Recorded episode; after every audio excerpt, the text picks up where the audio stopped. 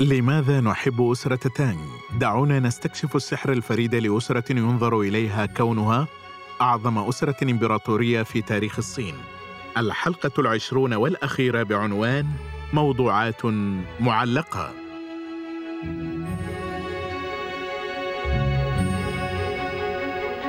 في حلقتنا الأخيرة سنتناول الموضوعات المعلقة لاستطلاعنا عن أسرة تانغ مع تسليط الضوء على بعض الإنجازات المذهلة لها والنظر في انهيارها بلا عودة وسقوطها.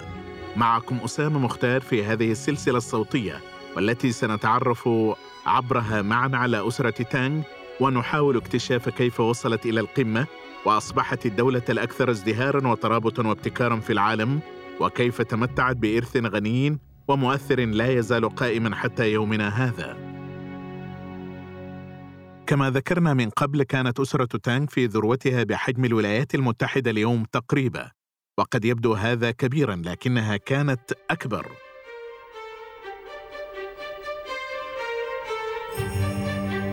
يمكن لقلة قليلة من البلدان الأخرى أن تنافس الصين في عهد أسرة تانغ في الحجم والابتكار والثروة من العدل أن نقول إن هذا التفوق الإقليمي لا يرجع لأباطرة تانغ بمفردهم. كان حكام تانغ يسعون لتوحيد البلاد وتقويتها وإصلاحها. لقد انتقوا بعناية ما حدث من قبل وجعلوه مناسبا لهدفهم ثم طبقوه لصالح مجتمعهم. في الواقع تم لم شمل الصين على يد أسرة سوي قصيرة العمر التي نجحت في ذلك الأمر. وبالرغم من أن سوي بارعة في القتال إلا أن الإمبراطور يان كان مصابا بجنون العظمة إلى حد ما.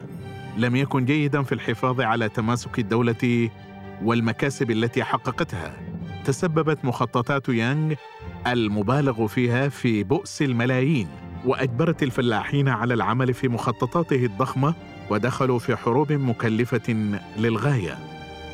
في النهاية كان ليوان أحد القادة الرئيسيين لإمبراطور سوي الذي انقلب ضده. وقرر أن أسرة سوي لم تعد لها الحق في الحكم. خلع إمبراطور سوي وجاء كاوسو إمبراطور تانغ نعلم أنه لم يمض وقت طويل قبل أن يتم إقصاء غاوتسو نفسه بتولي ابنه تايسونغ مسؤولية ما يعتبر أكثر فترات تاريخ تانغ استقرارا وازدهارا. لذلك عندما تعثرت سلالة تانغ وانهارت في النهاية يمكنك القول إنهم توقعوا حدوث الأمر. كانت أسرة تانغ في الواقع لعبة من جزئين. فتن ابن تايسونغ بمحظية السيدة وو التي سرعان ما أصبحت القوة وراء العرش ثم أصبحت القوة على العرش نفسه لتصبح السيدة الوحيدة التي تعتلي عرش الإمبراطورية في الصين. في حين استخدم اسلافها الذكور القوة لتحقيق أهدافهم كانت السيدة وو مدبرة للمكايد لكن من خلف الستار للوصول إلى هدفها. وعندما يتعلق الأمر بالتعامل مع الجيران كانت قاسية مع كبار الموظفين واستخدمت الجواسيس والمخبرين وقيل إنها خلقت عهدا من الرعب في البلاط الإمبراطوري. لكنها حققت ما لم يتحقق من قبل. في ظل حكمها تم توسيع حدود الصين بشكل أكبر حتى غرب آسيا الوسطى. وبفضل دبلوماسيتها نجحت في تأمين ولاء كوريا. كانت السيطرة المركزية حاسمة. تؤرخ الوثائق الرسمية المسافات الدقيقة بين أجزاء مختلفة من الإمبراطورية. لم يكن هذا للفضول فقط بل كان مسألة اللوجستية قد تثير غبطة شركات مثل علي بابا وأمازون اليوم.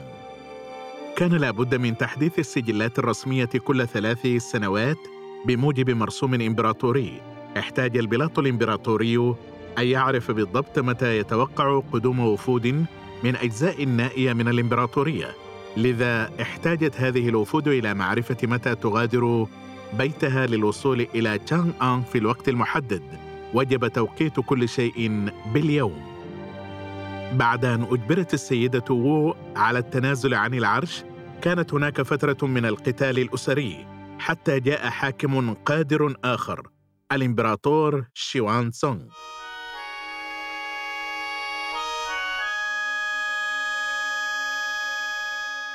تحت حكمه اتجهت جيوش تانغ إلى أقصى الغرب كما كانت ستذهب لكن لم يحالفها الحظ دوما.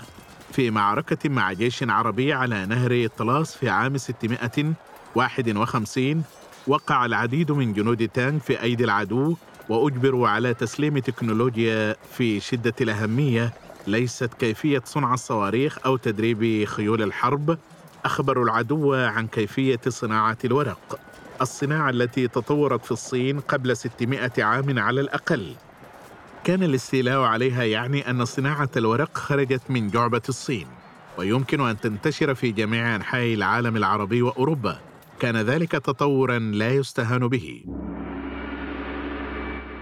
في السنوات الأخيرة من عهد تانغ لم يعد حكامها يركزون على المهام لعدة أسباب.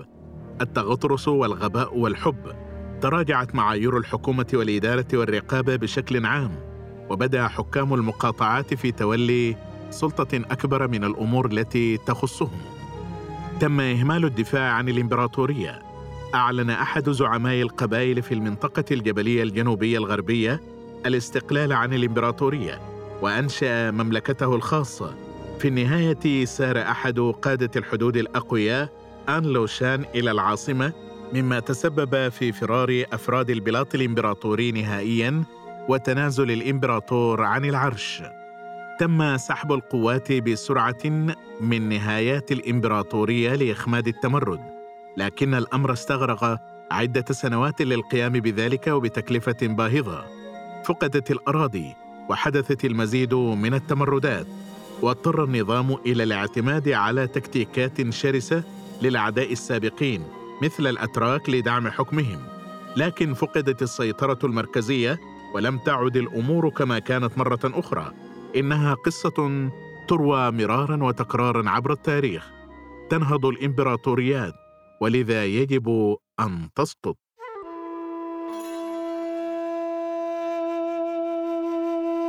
في القرن الأخير من عهد تانغ بدأ أن كل شيء ينهار. أخذت معايير الإدارة في الانخفاض. حدث تزايد في عدم الكفاءة والفساد. حتى الفلاحون بدأوا في التمرد وحاصروا العاصمة تشانغ آن في وقت ما مما تسبب في فرار أفراد البلاط مرة أخرى. وقعت أسرة تانغ في وضع لا تحسد عليه. ولكن ما الهدف من كل هذه المكاسب والخسائر الإقليمية؟ ماذا يعني ذلك في الواقع لتانغ؟ هل كانت مجرد خيلاء وأن تكون أفضل وأكبر مما سبق؟ هل نمت الإمبراطورية أكثر مما كانت قادرة على الحكم؟ هل كان كسلاً أو مكيدة من قبل الأباطرة الذين تسببوا في زوالها كل ذلك يعود إلى الأمن ليس فقط للوطن لكن الاستقرار لمصالح أسرة تانغ كان لابد من وقف التوغلات من أجل الناس الذين يحاولون أن يعيشوا حياة منظمة وسلمية على الأراضي الحدودية. وإذا لم يكن بالإمكان إيقافهم فلا بد من هزيمة العدو.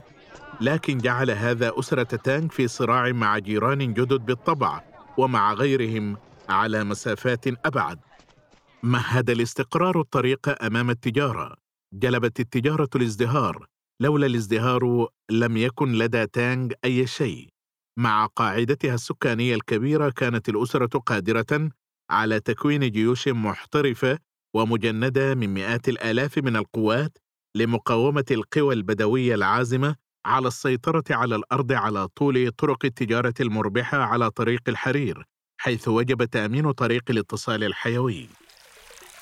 تمكنت تانغ من اكتساب العديد من التقنيات الجديدة والممارسات الثقافية والكماليات النادرة والمواد الأجنبية بفضل الحفاظ على طريق الحرير بلا عوائق وزيادة التجارة البحرية عن طريق الإبحار في البحار.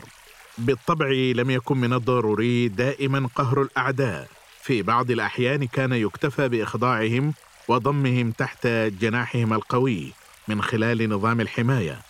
امتد مجال نفوذ أسرة تانغ إلى كوريا واليابان وفيتنام شبه بعض الخبراء سلالة تانغ بالأمم المتحدة المصغرة التي تجمع مجموعة كاملة من البلدان والمناطق كلها تحت سقف واحد وربما كانت هذه نقطة قوة أخرى. يمكنها الاعتماد على موارد منطقة شاسعة وكذلك الاعتماد على الموارد الثقافية العالمية لعدد لا يحصى من الشعوب أيضا. كان مجتمع تانغ بوتقة تنصهر فيها الأديان والأفكار والتقاليد الثقافية. كانت الأسرة الحاكمة تختار ما ينجح منها وتتجاهل الباقي مما مثل اندماجا مميزا.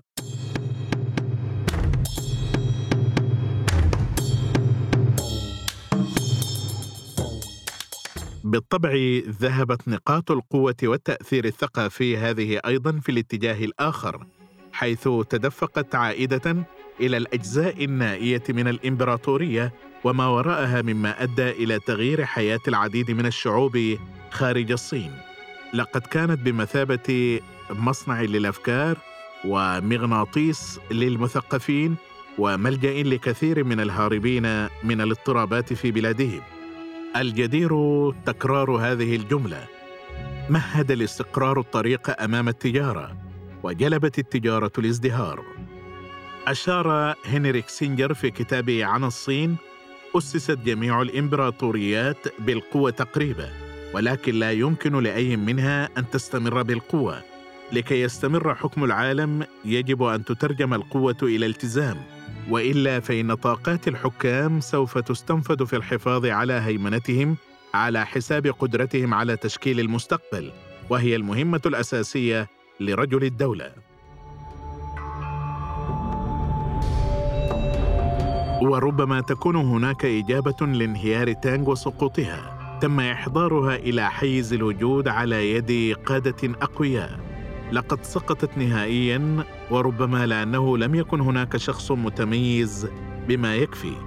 يتمتع بشخصية كاريزمية كافية ذكي بما يكفي ليحافظ على هذه الأسرة الممتدة مجتمعة.